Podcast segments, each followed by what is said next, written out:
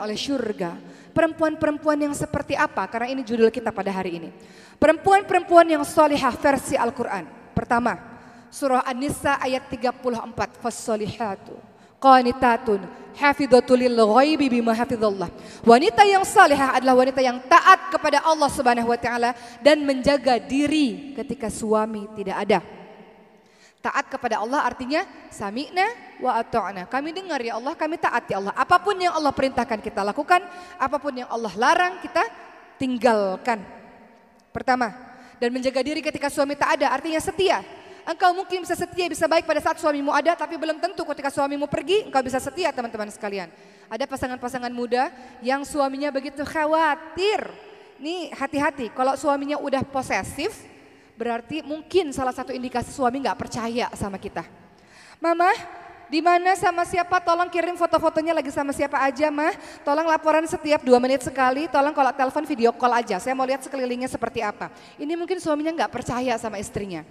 Atau ada suami yang pasang GPS di handphonenya istri. Dia tahu, oh istri saya pergi ke sini. Istri, istri saya pergi ke sini. Melacak keberadaan istri. Mungkin. Ya dua ya kemungkinan karena terlalu sayang. Kedua karena nggak percaya ya. Jadi terlalu overprotective seperti itu. Jadi patut tersinggung juga kalau kita diperlakukan suami begitu ya. Mungkin suami nggak percaya sama kita. Jadi ciri menjadi wanita yang dirindukan surga pertama Anissa 34 yakni adalah orang yang taat pada Allah dan menjaga diri ketika suami tak ada, setia. Yang kedua, surah An-Nisa ayat 19. Sabar. Fa in. Terus apa lagi? Wa asa an takrahu syai'a wa fihi khairan katsiran. Kita baca surat An-Nisa ya. Surah An-Nisa ayat 19. Fa in karihtumuhunna fa asa an takrahu syai'a syai'a wa fihi khairan katsiran. Dan bergaulah dengan mereka menurut cara yang patut. Jika kamu tidak menyukai mereka, maka bersabarlah karena boleh jadi kamu tidak menyukai sesuatu padahal Allah yang menjadikan kebaikan yang banyak padanya. Untuk menjadi perempuan-perempuan yang dicintai Allah, Rasulnya dan juga suami kita adalah sabar. Kalau nggak sabar dalam pernikahan, udah bubar. Betul nggak bu? Kalau nggak sabar, udah bubar dari awal. Jadi kalau ada orang yang bilang, Boki kasih saya dong nasihat pernikahan. Saya juga pernikahannya baru sebentar. Tapi mungkin saya bisa kasih beberapa nasihat. Apa itu? Sabar, sabar, sabar, sabar, sabar. Bener gak bu? Ibu-ibu yang sudah berumur pernikahannya puluhan tahun. Sabar. Anak-anak yang baru menikah di awal-awal pernikahannya kenapa banyak bubar? Gak sabar. Bener bu? Emang begitu, gak ada cara lain. Ini Al-Quran yang nyuruh kok. Pergaulilah pasanganmu dengan cara yang baik. Terus kalau ada apa-apa yang kamu gak suka, sabar.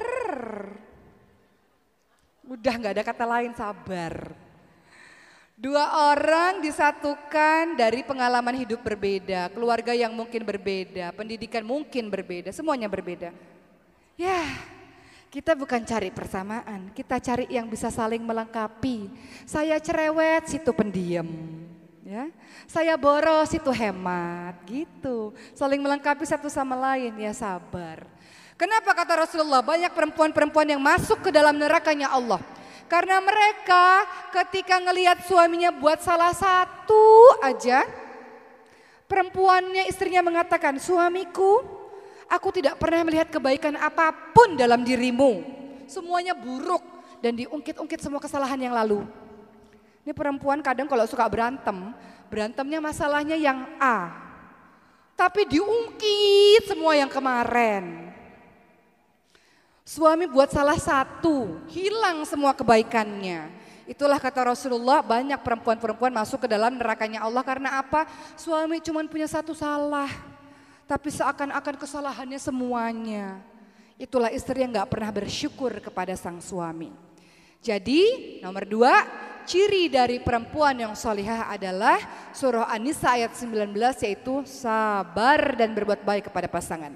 Ciri yang ketiga, Perempuan-perempuan yang solihah adalah dalam surah Al-Ahzab ayat 33 yaitu perempuan-perempuan yang betah di rumah.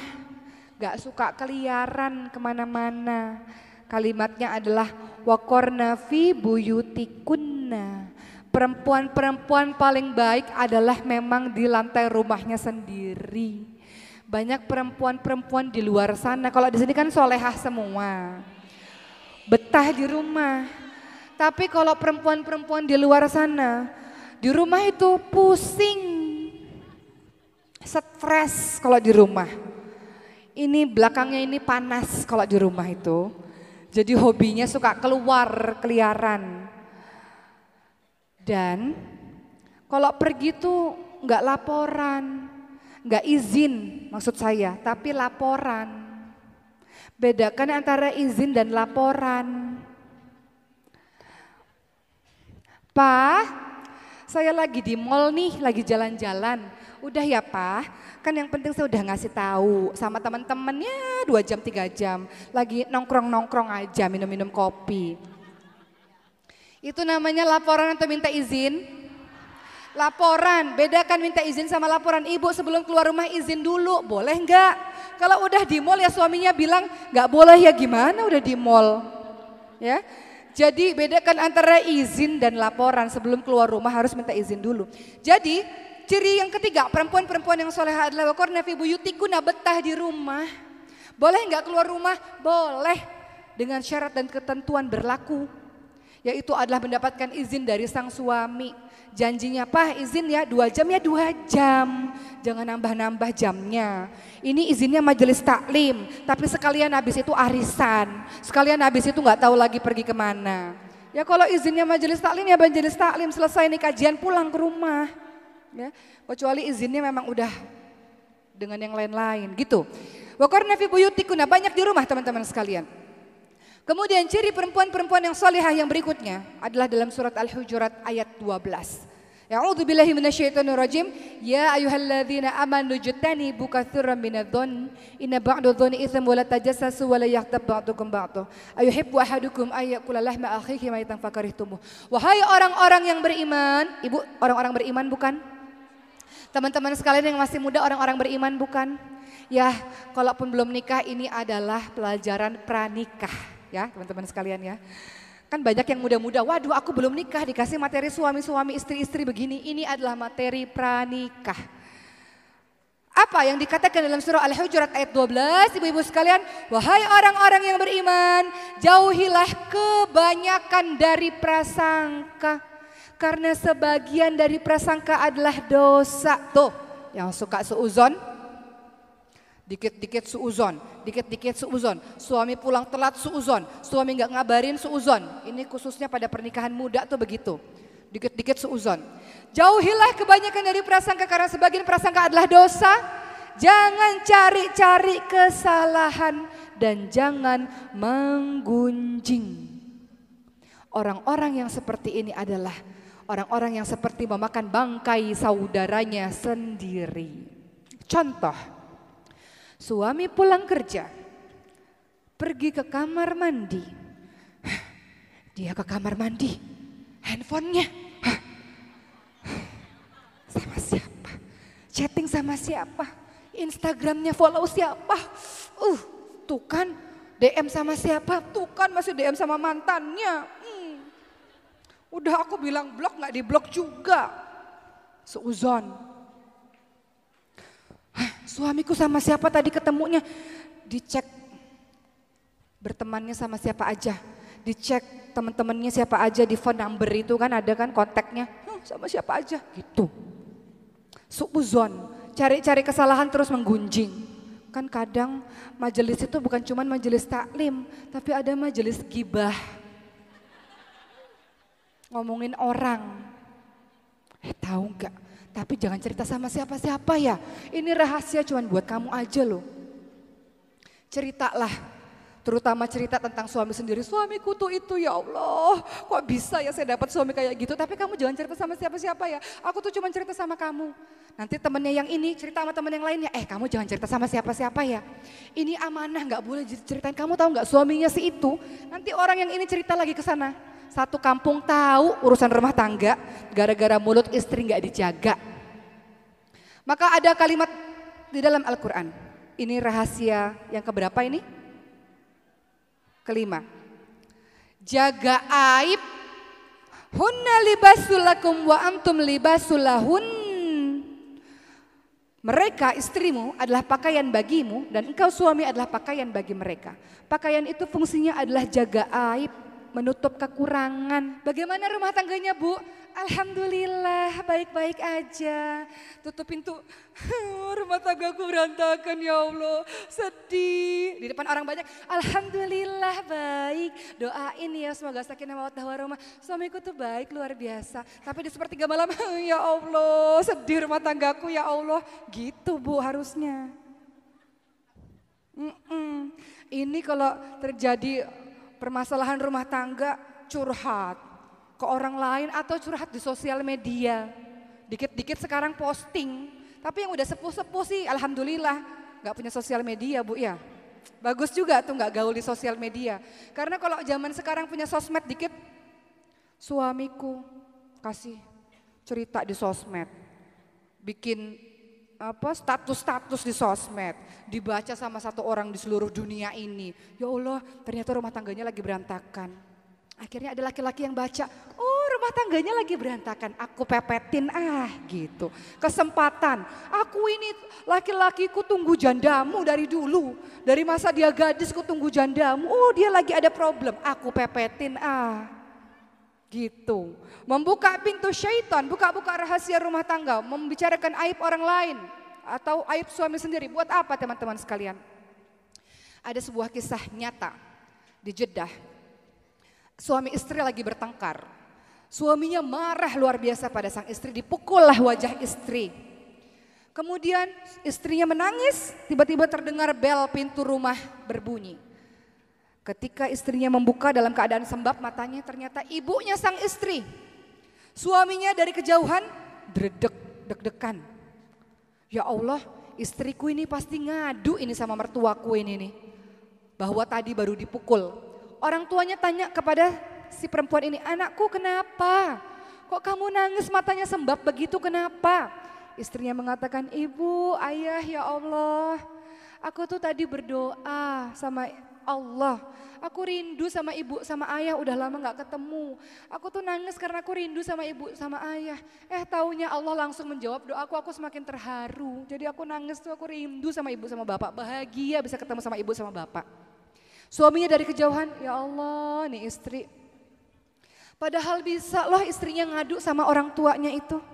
Aku baru dipukul, ada KDRT kekerasan dalam rumah tangga. Suamiku itu kan kalau perempuan kadang-kadang suka lebay ceritanya, nggak sesuai kenyataan, dilebih-lebihkan gitu. Orang kalau lagi marah, lagi sakit hati kan ceritanya suka dilebih-lebihkan biasanya. Tapi sang istri mengatakan, ya Allah Pak Bu aku tuh nangis karena aku rindu sama bapak sama ibu.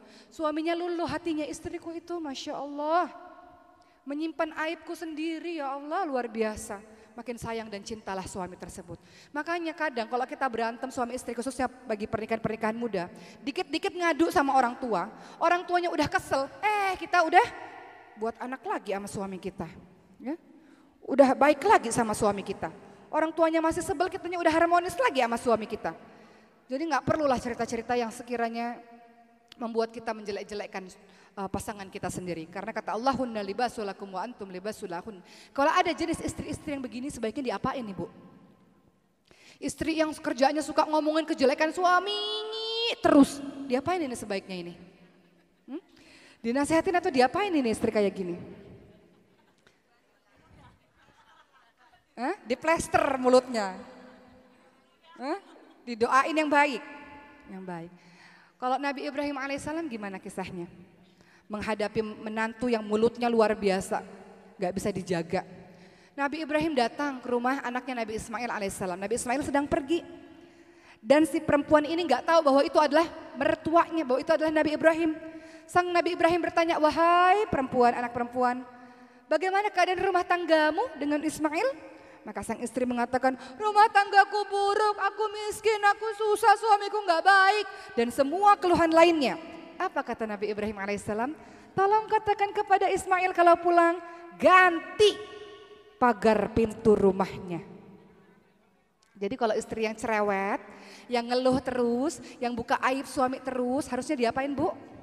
Mau diganti? Mau diganti? Akhirnya apa yang terjadi? Akhirnya Nabi Ismail paham bahwa perempuan yang begini nggak bisa dipertahanin, diceraikan. Diganti dengan istri yang baru, kemudian Nabi Ibrahim datang lagi ke rumah anaknya Nabi Ismail, Nabi Ismail sedang pergi dengan istri yang baru. Nabi Ibrahim tanya kepada istri yang baru tersebut, wahai anak perempuan, bagaimana keadaan rumah tanggamu? Alhamdulillah, semua baik. Alhamdulillah rumah tanggaku baik, rumah tanggaku luar biasa, rumah tanggaku diberkahi oleh Allah, Alhamdulillah. Maka apa kata Nabi Ibrahim? Katakan kepada suamimu Ismail, pertahankan pagar pintu rumahmu. Artinya istri yang begini adalah istri-istri yang luar biasa. Pertahankanlah karena dia menjadi istri yang solehah. Jadi begitu teman-teman sekalian. Ya, tak terasa sudah hampir satu jam saya berbicara di sini. Jadi saya review lagi ada lima cara setidaknya Bagaimana cara kita menjadi istri yang solehah menurut Quran? Yang pertama adalah Anissa ayat 34 yakni perempuan-perempuan yang taat pada Allah dan perempuan-perempuan yang setia. Kedua adalah sabar. Anissa ayat 19, sabar. Kalau engkau tidak suka pada sebuah perkara, Allah akan jadikan yang lain yang baik, banyak kebaikan dengan dirinya insya Allah. Kemudian yang ketiga adalah banyak-banyak di rumah, jangan keluar rumah kalau tak perlu. Surah Al-Ahzab ayat 33. Yang keempat, jangan engkau suuzon, jangan engkau cari kesalahan, jangan engkau menggunjing dalam surah Al-Hujurat ayat 12 dan yang kelima, jaga aib suami. Dengan begitu engkau menjadi perempuan-perempuan yang dicintai oleh Allah, Rasul dan juga suami. Insya Allah menjadi bidadari-bidadari syurga, ratunya para bidadari syurga.